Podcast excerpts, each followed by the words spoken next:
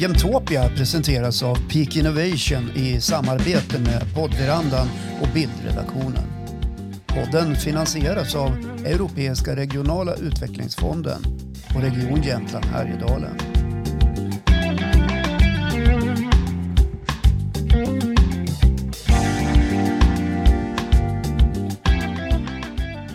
Välkomna till Jämtopia, podden där vi pratar om företagande, entreprenörskap och drivkrafter med spännande och aktuella gäster. Mitt namn är Pia Sem och idag har jag med mig Jämtlandsprofilen Stefan Hallgren som arbetar på bolaget Ninetone med bland annat ett 20-tal influencers inom showbiz. Välkommen Stefan och välkommen också Håkan Lundqvist som gör en väldig massa saker. Just, just idag Håkan har du kontroll över studion.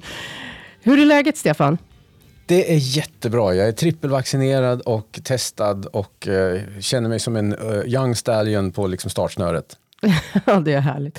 Ninetone representerar ju bland annat Anja Persson, Ida Warg, Jocke och Jonna, Tova Helgesson, Lana Blakely. Jag kan rada upp en massa namn där, så ni förstår ju att vi har supermycket att prata om idag. Bland annat om hur influencervärlden funkar, vilka bör anlita influencers och varför funkar det bara ibland. Men jag tänkte vi börjar med att du får beskriva Ninetone. Vad, vad är det för bolag? Eh, det, från början så eh, Nighton startades av Patrik Frisk och ägs i huvudsak av Patrik Frisk i Sundsvall eh, och var ett skivbolag de första ja, ända fram från 2006 till 2016 i huvudsak kan man säga. Där eh, de, eh, han hade några st större framgångar med Takida, Yohio, Corroded eh, och sådana. Så, så, att de, de hade både studio, inspelningsstudio och skivbolag. 2016 eller 2015 så råkade jag fickringa till Patrik eller om han som fickringde till mig. Och då började vi prata lite grann om, om man ja, alltså, musikbranschen är lite svår, så vad är det som växer? Ja men YouTube växer sa jag. Eh, ja men eh, hur blir man ett, ett, hur tjänar man pengar på det då? Och då sa jag att jag visste det då, att man blir ett YouTube-nätverk, det vill säga eh, en slags producent som hjälper YouTubers att växa och bli större och sköta deras kanaler. Så tar man in deras kanaler under en huvud, eh, ett huvudverktyg som man får sig tilldelat av YouTube och så kan man ta kommission på att hjälpa dem uppåt så att säga i den branschen. Och så startade vi med, med en kille som då hette då kallades han för Jockiboi fortfarande eh, och vi såg att det var en kille som ingen kunde sluta titta på. Eh, så vi pratade med Joakim och sa, vill du göra en varumärkesresa med oss? Eh, och det ville han, så vi skrev ett managementavtal. och då har vi gått ifrån att Joakim, han bodde på en madrass hos sin flickväns mamma där 2015-16 till idag så snurrar han 30 miljoner och är ett av Nordens absolut största varumärken. Och det är där du kommer in. Du har hand om influencer-delen då hos eh, Ninetone. Vad, vad är roligast med ditt jobb skulle du säga? Eh, roligast är att eh, alltså när vi tar oss an en klient då tittar vi på vad de har varit, vad de är just nu och vart de ska. Eh, och jag, eh, som exempel, så det, det, roligaste är att utveckla människan och talangen. Anja Persson har varit världens bästa kvinnliga skidåkare. Idag så har hon slutat men hon, ser, hon har liksom 20 år kvar på mätaren i, i, i varumärkesvärlden och då säger vad vill du göra nu? Vart ska du? Vad brinner du för? Och hon brinner för hållbarhet, eh, etik för barnen och allting sånt där. Så, så skapar vi en ny content line för henne, en värdetrappa och säger varje år Anja så ska du ha eh, ökat 20 och vi ska se till att ditt varumärke både får egna klädkollektioner, hållbara varumärken och allting sånt där. Så ett management ansvarar för vad en artist, fotbollsspelare, influencer, höjdhopperska eller, eller, eller ryttarproffs, eh, hur de växer helt enkelt. De får ha talangen och vi är depåcrewet som gör resten. Vad skulle du skil säga skiljer en influencer idag jämfört med för några år sedan? Det här är en marknad där det rör sig oerhört snabbt. Eh, extremt eh, högre konkurrens. Eh, en influencer 2011 hade en textblogg och eh, sålde bannerannonser på en webbsida lite grann och tjänade lite pengar. Sen så kom sociala medier in med Instagram eh, och YouTube i huvudsak och då flyttade de här text bloggerskorna faktiskt som var de första influencertyperna i Sverige över till sociala medier och sen har det gått fortare blivit mer rörlig bild och kortare fönster att visa upp sig. Eh, man kunde få vika ut sig en timma på YouTube i början utan vidare eh, och folk hade tid. Eh, idag så går alla mot kortformat där både YouTube, TikTok, eh, Snapchat och Instagram eh, lanserar kortformat som kallas för shorts, reels eh, eh, eller stories och sådär där man har 15-30 sekunder på sig att göra någonting engagerande och kul. Så jag skulle vilja säga att den största skillnaden är att en influencer kunde ta det lugnt och kommunicera stilla med text för tio år sedan Idag måste de skapa en payoff på 15 sekunder i rörlig bild. Det är eh, den stora skillnaden. Den här utvecklingen, eh, är den bara bra eller finns det också nackdelar för dina klienter till exempel? Vad är halveringstiden? Eh, det, nackdelarna är att en influencer som inte klarar av nya format, inte, de försvinner av banan. Eh, en textbloggerska som inte kan video, hon kommer inte vidare utan hon får helt enkelt lämna branschen. Eh, och eh, sen måste man alltid hålla sig i rörelse. För, för eh, precis som en musikartist kan ha tre hittar och sen aldrig höras av igen så kan också en influencer eh, intressefönstret kan passera en influencer så att de aldrig mer är aktuell igen. Och eh, Därför är vi noga med till exempel Joakim, där, där hjälps vi åt att utveckla honom varje år så att han varje år har ett nytt erbjudande. Eh, han, lämnade, han stängde Youtube-kanalen ett tag och sen så sålde vi han till Discovery Plus. Eh, så nu har han tre tv-serier rullande på den plattformen eh, som vi som, liksom, initierar och säljer. Eh, och då nu har han en ny publik. Eh, och nästa steg med Joakim är en långfilm. Då värdehöjer vi honom ytterligare en gång. Eh, så, och kopplade till din fråga eh, Håkan så ska jag säga att de som inte klarar av att förändra sig försvinner från banan. Det är nackdelen för en influencer. Och för entreprenörer eller företag eller stora eller mindre företag som vill jobba tillsammans med influencers, vad, hur ska de tänka i, i den här relativt kanske stora världen som det kanske kan finnas ganska begränsad kunskap kring hos många företag? Oh, eh, det här är ett jätte, jättebra fråga för jag skulle så gärna vilja ödmjukt säga en sak till alla företag som har funderat på det här och det är eh, att, att, att, att skapa en kontakt mot sina köpare via en influencer är inte detsamma som att köpa reklamräckvidd. Det vill säga ert företags erbjudanden och vad ni har vunnit för priser och vad duktiga ni är och vilken produkt ni har. Det är inte vad influencern ska visa. Eh, utan influencern ska engagera sin målgrupp att bli intresserade av er.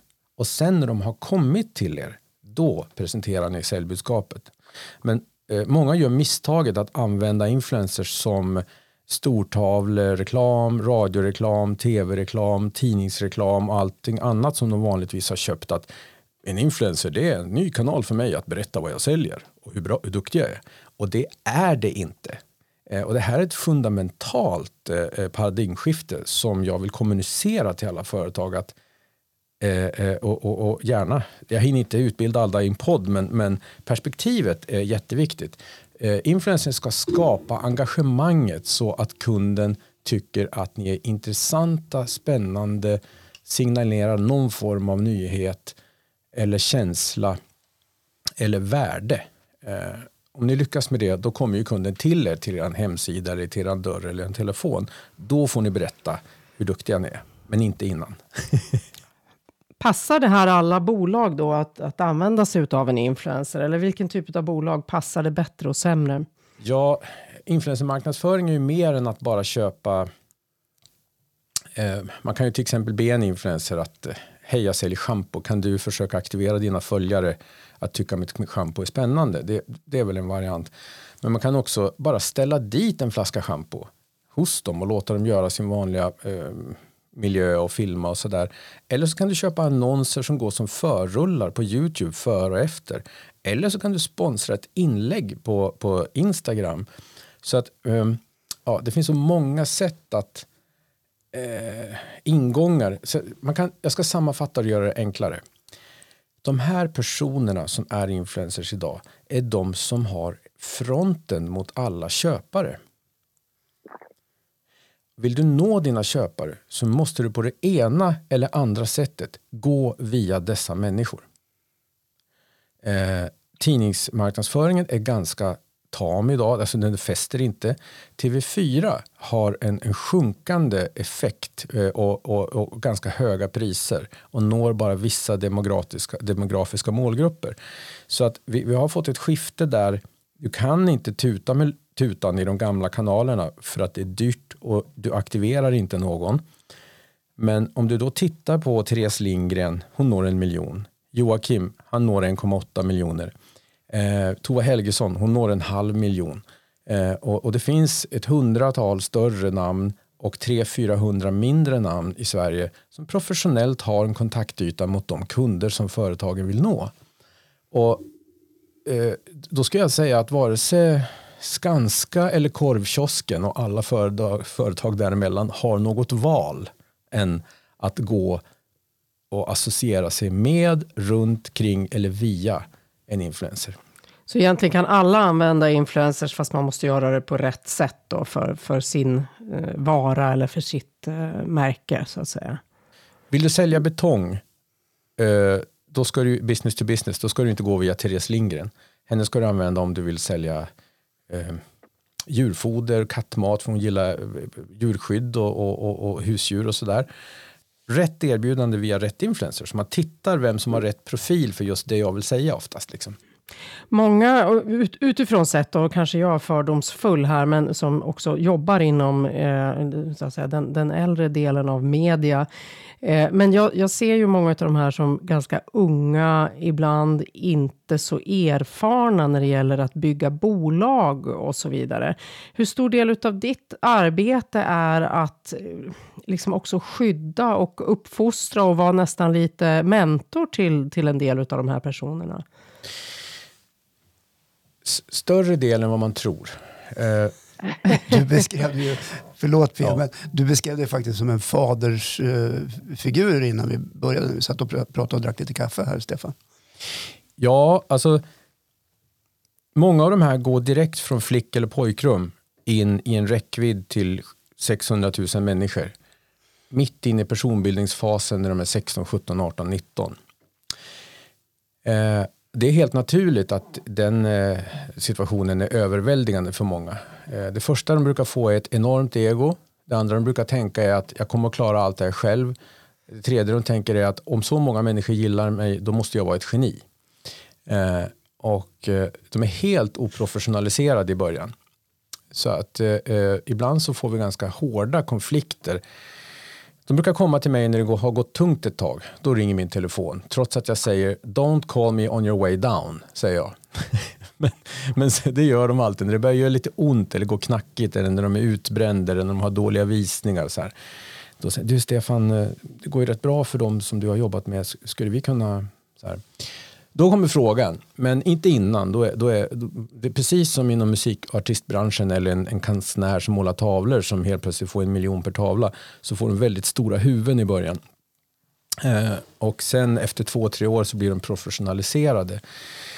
Det är ingen kritik av mig, eh, utan det är, det är bara så livet är. Jag var likadan när jag var ung och var musiker. Liksom, sådär. Så jag, jag är 53 idag, så jag kan säga du behöver äta bättre för att orka. Du behöver dra ner på eh, energidrycken. Du kan inte bara äta massariner dygnet runt. Eh, du måste sova. Och så måste du röra på dig. Du har förmodligen ett sockerberoende. Eh, om, eh, om, du, om du är fast i de här typen av distraktioner så kan inte jag jobba med dig förrän vi har kommit en bit in i, i det här. För det de har, det är en magisk personlighet som människor inte kan sluta titta på. Det är därför de är en influencer. De har den publiken som företagen vill nå i sin hand. När Joakim vaknar på morgonen så har han fler större räckvidd i sin telefon till frukost än vad hela Aftonbladet har. Eh, och det, det måste man respektera. Mm. Vad skulle du säga att de har för personligheter då, en, en, en influencer som är eller kan bli väldigt bra? Vad, vad tittar du efter? Vad gillar du? Eh, jag brukar säga att de, de måste vara fåfänga. De måste älska uppmärksamhet. Eh, de måste eh, vara, kunna gestalta sig på något sätt. de måste kunna producera sig själva. Det vill säga, jag vet ju att eh, ingredienserna till uppmärksamhet har varit samma i flera hundra år. Eh, överraskning, eh, spänning, förväntan, risk, eh, nytta, känsla. Eh, en influencer måste kunna leverera de sakerna, antingen medvetet eller omedvetet. För mig som är, har varit länge i gamet så vet ju jag att det här är egentligen vad man gör inom teater, showbiz, eh, vissa reklamgrejer, eh, musikproduktioner, eh, så här, film. Eh, så jag tittar på ifall en influencer eh, kan, kan eh, ha någon, något av de här elementen. Mm. Hur mycket av din egen person och dina egna erfarenheter använder du? Du har ju haft en karriär som har både varit uppåt och, och neråt och vågat ta risker och, och haft ett entreprenörskap. Hur stor nytta har du av det? Eh, jag skulle ha orkat göra det här bättre när jag var 30. Men jag är mycket duktigare på det när jag är 53. Eh, när, när, när du är 53 så är du inte så driven av vare sig liksom lustar, festsug eller fåfänga eller, eller sådär. Utan du kan luta dig tillbaka och vara mera mentor. Och jag började min karriär och gjorde liksom tusen spelningar runt Sverige som, som, som 16-åring liksom till 26. Och, och, och då eh, marinerar man sig i mat, fest, eh, dryck och, och, och samgänge, eller vad man nu säger. Eh, antingen så går man under med det eller så klarar man av det. Och jag eh, fick tinnitus så jag kom ur det där liksom innan, man, man liksom tyck, innan det övermannade en. Men när jag ser en 18-årig kille nu som är influencer som får allt det där på bordet så kan jag säga att jag, hade, jag hade en klient, möte med en klient i höstas eh, och så satt vi mitt emot varandra på Eh, på Sturekompaniet faktiskt. För han, han tänkte att jag skulle jobba med mig och då sa jag rakt ut till honom. Kära ex, du ligger och festar för mycket så jag kan inte arbeta med dig. Det kommer inte att bli någonting av dig om inte du ändrar på det. Ja, du får gärna arbeta med mig om du ändrar livsstil, blir, min, blir mitt budskap. Liksom. Pia, jag får sådana bilder i huvudet där, där man kollar på äh, dokumentärer om framgångsrika pop och rockband. Liksom, och, hur var det egentligen att vara manager åt Guns N' Roses? Det måste ha varit ja. ett helvete. Ja. och så vidare. Ja. Mitt yrke är ett söndagsskola jämfört med det om man säger så. Eh, de flesta har ganska små bekymmer. Liksom. Jag menar Joakim, han dricker mm. inte, han är familjefar, gift, gör 14 timmars dagar och vill bara jobba och är världens mest peppade människa. Mm. Nu för tiden, ja. Eh, väl? Ja, men, men den här ja. utvecklingen har ju gått vansinnigt. Eh, han har nog inte varit, han har varit så här sedan åtminstone 2016 ska jag säga. Med, med viss mm. förtätning sista tre åren. Att, eh, att han var en slarver som var med i Kungarna i Tylösand 2010 är ju liksom inte en faktor för oss idag. Eh, det är länge sedan nu. Joakim är en maskin. Han är, han är, han är min förebild. Eh, då kan jag tillägga att jag var kung av Tylösand 1986, men det är jättelänge sedan. Och det finns inga bildbevis på det va Håkan? Ja, det kanske finns ett gammalt fotoalbum. Vi var nio grabbar i en folkabuss i två månader. Men det behöver vi inte gå in på. Ja. Eh. Jag fick jag helt andra bilder i huvudet. En kort fråga bara till dig Stefan, som jag sitter och tänker på. Om jag som eh, stort företag, litet företag eller hur det nu är, att jag bestämmer mig för att jag vill jobba via influencermarknaden. Hur mäter man då om det ger effekt mer än att nå räckvidden? antalet människor som nås av den här influencerns närvaro. Mm. Kan jag se det konkret på sista raden i mitt bokslut? Eh, 20, fram tills för tre, fyra år sedan så var det här High Chaparral. Eh, idag så eh, skulle jag säga att allting är justerat, korrigerat och kalibrerat. Så att du, en influencers värde mäts oftast med en konverteringslänk jag rekommenderar den här produkten och så lägger jag med den länken och så exponeras den för 100 000 människor så får man se hur många av dem som klickade, det är click-through rate. Sen så ser man hur många av dem som klickade som konverterade, det vill säga köpte. Eh, och eh, då väger man hur många produkter man sålde mot hur mycket man betalade för influencer exponeringen. Eh, det är den enklaste formen av, av variant. Men den så, låter ganska omedelbar. Ja, eh, och, och, och då, då, ser du nyttan. Eh, och influencers är ganska duktiga på det här. Sen har du en annan, sen har du marknadsvärdet och fåfängan. Eh, någon kan tycka att det är så sexigt att få eh, Bianca Ingrosso att exponera just ditt varumärke. Att du kan liksom fläska iväg en 400 000 på en story. Bara för att Bianca ska ha visat upp ditt företag en gång. Och alla 400 000 spännena i första ledet är egentligen förverkade och nothing, luft. Men, du, men Bianca har visat att hon tar i ditt varumärke. och, då, och då kan du få eh, eh, eh, liksom en, en kredibilitet i, i hennes stora volym av en miljon följare. Att aha, Bianca tar i, i, i Anderssons rör där i Säffle. Ja, ja, kanske ska ringa dem då. mm. Inte så mätbart. Nej, så att det, du, du har awareness, eh, viktig. Du har image, också viktig. Och du har konvertering som, är, som du kan få på papper. Eh, eller på pränt liksom. Du, du har rena data. Sen är resten är mer en känsla av, åh jag skulle så gärna vilja att just hon endorsade mig. Då får du själv välja ifall du tycker du att hennes eh, Instagram-inlägg är värt eh, 10, 20, 30 000, 100 eller 400 000. Det här är kopplat till räckvidd. En snickare som har 8 000 eh, följare på Instagram som bara har snickarintresserad publik eller som, som vill veta vilka bra verktyg man har, det vill säga när man snickrar. Det kan vara otroligt värdefull. En mikroinfluencer. Eh, så de kanske får jättehög konvertering. Eh, och, eh, så där är matchningen, det blir billigare ju bättre matchning du har. Om, om du istället la ett, ett schampomärke hos den där snickaren, ja, då kanske inte det skulle konvertera alls. Och då blir det en jättedyr kampanj. Så den, den matchningen, du kan, du kan få bra effekt för jag tror, man ska nog inte ge sig in i det här för under och tänka under 5 000 kronor överhuvudtaget. Eh, för det är, eh, vill du ha en, en influencer, vill du ha en story av en influencer som har högt varumärke, jag kan ta en, en riktningssiffra utan att nämna några namn. Eh, en influencer som har en miljon följare gör en, eh, ett inlägg i sin feed och en story.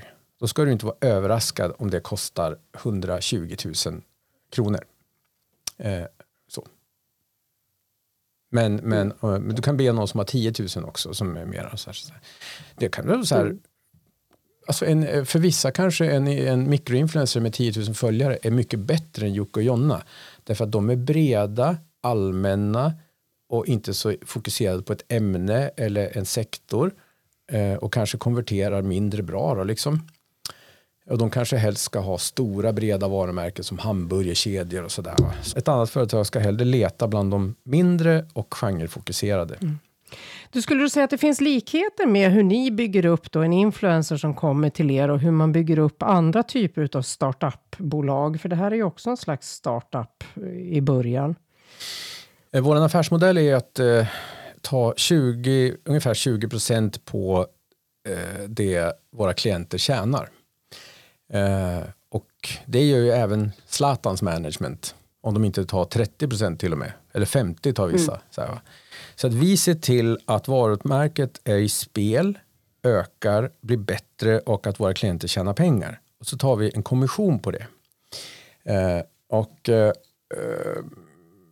det, det, affärsmodellen är ju skalbar om vi kan göra många och göra lika duktigt jobb. Det, det, finns en övre gräns tycker jag i och med att så mycket Alltså har, har, du en jättestor då behöver du inte göra någonting annat. Har du tusen små då blir du utbränd. Så att, ja, eh, det, men det, det är likt en, en startup på så sätt att vi måste eh, vara bättre än våra konkurrenter och var, eh, prestera. Ah, jag vet inte hur jag ska säga så. Vi har, just så här, nu ska jag säga det. Nineton har aldrig använt eh, riskkapital. Eh, utan vi växer organiskt. Så våra strategier bygger alltid på att eh, vi har ett positivt kassaflöde. Eh, och det både begränsar oss men det ger oss också en ställning i branschen där vi inte behöver vara oroliga att någon kräver exit på tre år. Så vi kan vara väldigt långsiktiga. Eh, ett startup vill köpa marknad och ha rull inom en viss tid och sen vill det bli sålt. Eh, liksom. och, och Eh, så, så jobb, alltså jag var ju med i internetboomen för 22-23 år sedan. Då var ju allting sådär. Alltså alla lassade in pengar och tog en lott och hoppas att de vann. Liksom. Men så fungerar inte vårt bolag idag. Mm. Du, apropå bolag då, Ninetone, ni har funnits ett tag nu. Hur skulle du säga att de sista åren har varit för er? Pandemin, bu eller bä? Eh, pandemin har varit ett, nu ska du, det här är konstigt, eh, vi har ökat 40 procent sedan 2020 eh, på grund av pandemin. Och vi var ju tvungna att göra en analys på det och, se vad det berodde på. Så att vi kom fram till två saker. Det ena är att människor tillbringar mycket mera tid på, inom skärmbaserade medier. Och våra klienter presenterar det de gör via telefon och dator och skärmbaserade medier och tv. Eh, så det är en faktor. Men det andra är att eh, alltså Nineton har 16 anställda. En sitter i New York, en sitter i Lund, eh, en sitter i Göteborg, en sitter på Frösön, två eh, i Stockholm och resten i Sundsvall. Och när vi gick över till, när vi inte fick träffas, eller jag åkte till Sundsvall och jobbade till exempel, då började vi med digitala möten varje morgon klockan nio. Eh, där alla 16 gjorde en avlämning. Så här gick det igår. Det här sliter jag med. Är det någon som har något tips? Och sen så säger man, och det här ska jag göra idag. Eh, är det någon som kan hjälpa mig med X, Y, Z? Eh, så att varje person säger så här gick det igår, det här ska jag göra idag. Så sa vi varje dag och så satt vi och tjafsade lite grann också, du vet så här morgonfika feeling. Och det gjorde att företaget vart mera sammansvetsat än vad det någonsin hade varit tidigare. Eh, synlighet, transparens, eh, social sammanlimning, eh, överbryggning av, av avstånd. Eh, nu håller vi våra möten på eftermiddagarna klockan tre för att Eric i New York ska kunna vara med och så håller vi dem på engelska. Även om resten av oss är svenska så övar vi på, så alla möten sker på engelska eh, för att vi ska vara förberedda för att gå ut i Europa.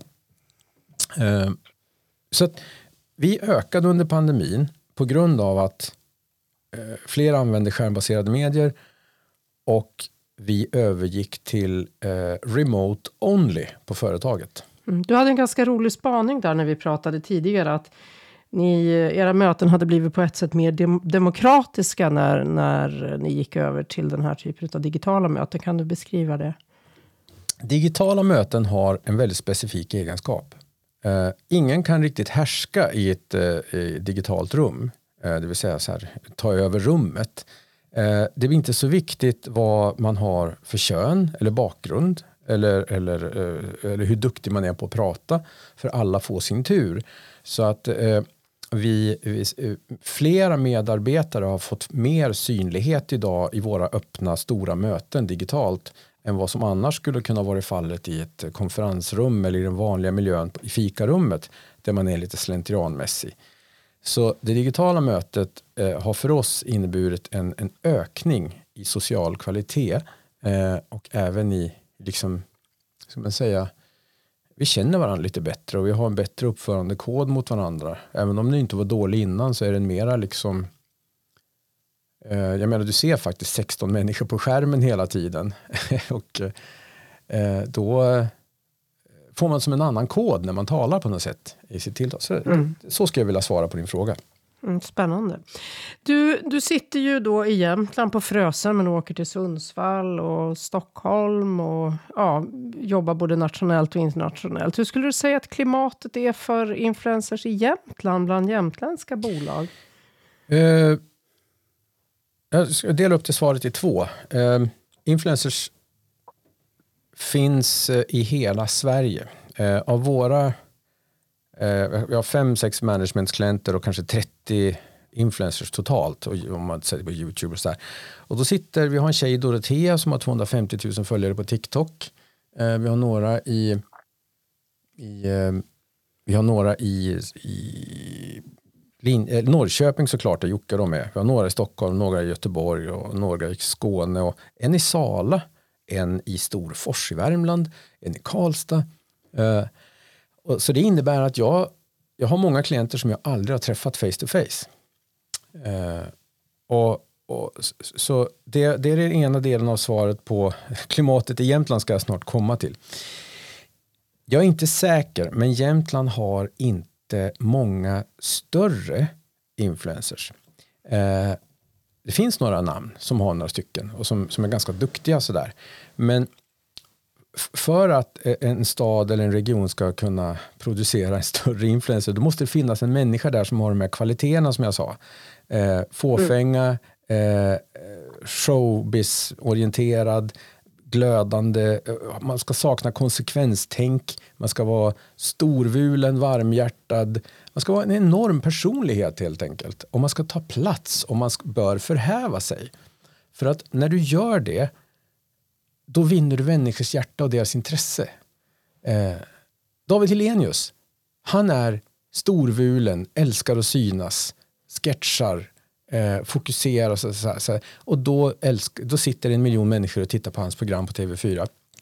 Så en influencer måste vara förhäva sig lite grann och då kanske det finns en i mindre städer i Östersund eller i en by då är det svårt att jag försöker öva på att göra fjantiga TikTok-grejer på mina egna sociala medier.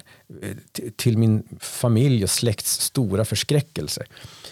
Och det är för att jag vill öva på att ja, men hur, hur, ser jag, hur funkar det så här? Hur, hur gör man? Vad, sätter folk i halsen? Blir de lite rädda? Alltså får man göra så när man är 53?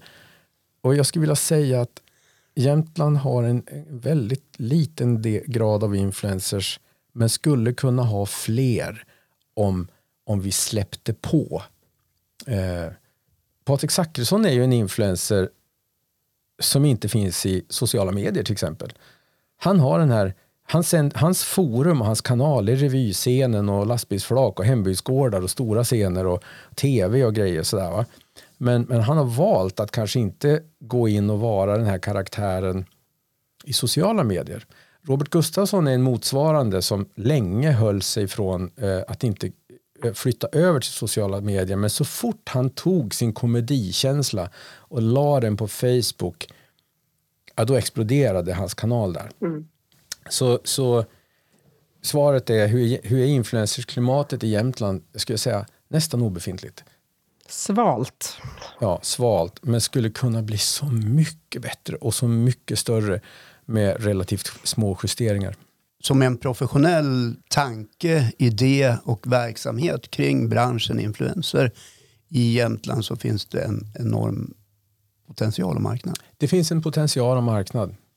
oj, det finns för YouTube-kanaler, det finns för, för nyhetskanaler. För, för, det enda man måste göra är att inte vara rädd för att misslyckas utan eh, hoppa ut i kallvattnet bara och låta folk skratta åt en jättemycket och jättelänge. Och våra, eh, generellt har vi ju människor lite ont i självkänslan. Vi vill inte bli skrattade åt vi tycker det är obehagligt att ta risker och att, att eh, vi bryr oss om vad andra säger om oss. Alltså jag gör faktiskt inte det, jag har aldrig gjort det sedan jag föddes. Men, och vi har konsekvenstänk. Och vill vi bli influencers, då måste vi ta bort alla de hämningarna. Kanske lite jantelag där också i vissa, eh, ja, på vissa platser eller i vissa regioner om man ska förhäva sig och synas och så vidare. Men bolagsmässigt då? Kan, borde, borde bolagen generellt i Jämtland anlita influencers mer än vad som görs idag? Jag tycker det är en spännande tanke. Eh, och eh, det enkla svaret är ja, det tycker jag. Eh, för att det fungerar. Um, det andra är om den influensen är nationell och sitter i Linköping så kan det bli lite, ja, lite sådär konstigt. Men har man en nationell mm. marknad ska man absolut göra det. Uh, och nu när vi sitter här och, och ni ställer alla de här frågorna så i den bästa av världar, om jag fick skriva till jultomten, så här, det skulle se ut så här om jag skulle vilja fixa en, en varm fungerande influencermarknad i Jämtland med både köpare, utförare, säljare och förmedlare. Jag skulle vilja be någon bara hälla in 10 miljoner på chans i ett projekt där man både utbildar, eh, tränar på och förklarar och workshoppar och tar risker och tränar och har kul och startar kanaler som lyckas och misslyckas i, i två år i en slags i ett projekt där man egentligen bara eh, erövrar och förvärvar de instrument och metoder och verktyg och kanaler som eh, eh kommunikation och marknadsföring eh, består av i, i, idag. För den, den är lite liten här. Eh, och eh, den är ganska liten i, i Jönköping också. Och den är inte alls stor i Kiruna. Så, så, men jag skulle säga att vi, eh, det, det, är svårt att... Någon måste börja med det där och då tror jag att man måste hälla in, hälla in slaskmiljoner på det i början som bara, som bara får gå ut till att liksom försöka få fart på saker. För att eh, annars så, så ser jag inte att någon organiskt börjar med det första fröet och börjar köra. Liksom. Bra efterlysning här då i, i Jämtopia. Vi, vi ska börja avrunda eh, den här eh, sändningen, det här programmet. Men först skulle jag vilja veta vad du ser mest fram emot under det här året 2022. 2022 blir ett spännande år. Eh, I min bransch så önskar jag mig hela tiden större klienter eh, som får större räckvidd och som får större projekt. Eh, det är av personliga orsaker för att st stora eh, få projekt som omsätter mycket pengar eh, gör att jag får mindre belastning eh, och eh, färre klienter att hantera. Eh, men, men, men det här året eh, så vet jag att vi har några riktiga fina nysigningar. och det, det, det, förhandlar man om ganska lång tid. Alltså det innan, innan Anja skrev, och Filippa skrev på för oss, då dejtade vi i sex månader. De var hemma och hälsade på mm. mig och du vet, man blir granskad för att jag tar en, en kändis liv i mina händer och ska garantera deras inkomsterna som ställer mjölk på bordet till deras barn. Så att det är ett stort förtroendebygge att, att, att eh, komma till oss på Nineton. Och det innebär att själva utvärderingsprocessen ibland tar tid och då känner man på varandra över ett visst antal månader tills de säger att nej, jag vill ha någon annan eller ni är precis rätt för oss. Eh, långt svar, men 2022 för mig är, är dels att jag vet att vi vill få nya klienter, vilket jag tycker är kul. Vi har gjort rätt vägval så att vi vet att vi kommer att växa. Och det tredje är att jag kommer att vara inblandad i en långfilm med Joakim Lundell under året som heter Feed. Eh, och det innebär att jag kommer att få ligga på location eh, och eh, vara inblandad i många delar i processen av framtagandet av den filmen. För vi är tillsammans med Joakim exekutiva producenter. Eh, det ser jag väldigt mycket fram emot under 2022. Låter kul. Tack så mycket för att du var med hos oss i Jämtopia, Stefan Hallgren från Ninetone och tack också Håkan Lundqvist. Det var en härlig stund. Tack så mycket för att jag fick komma.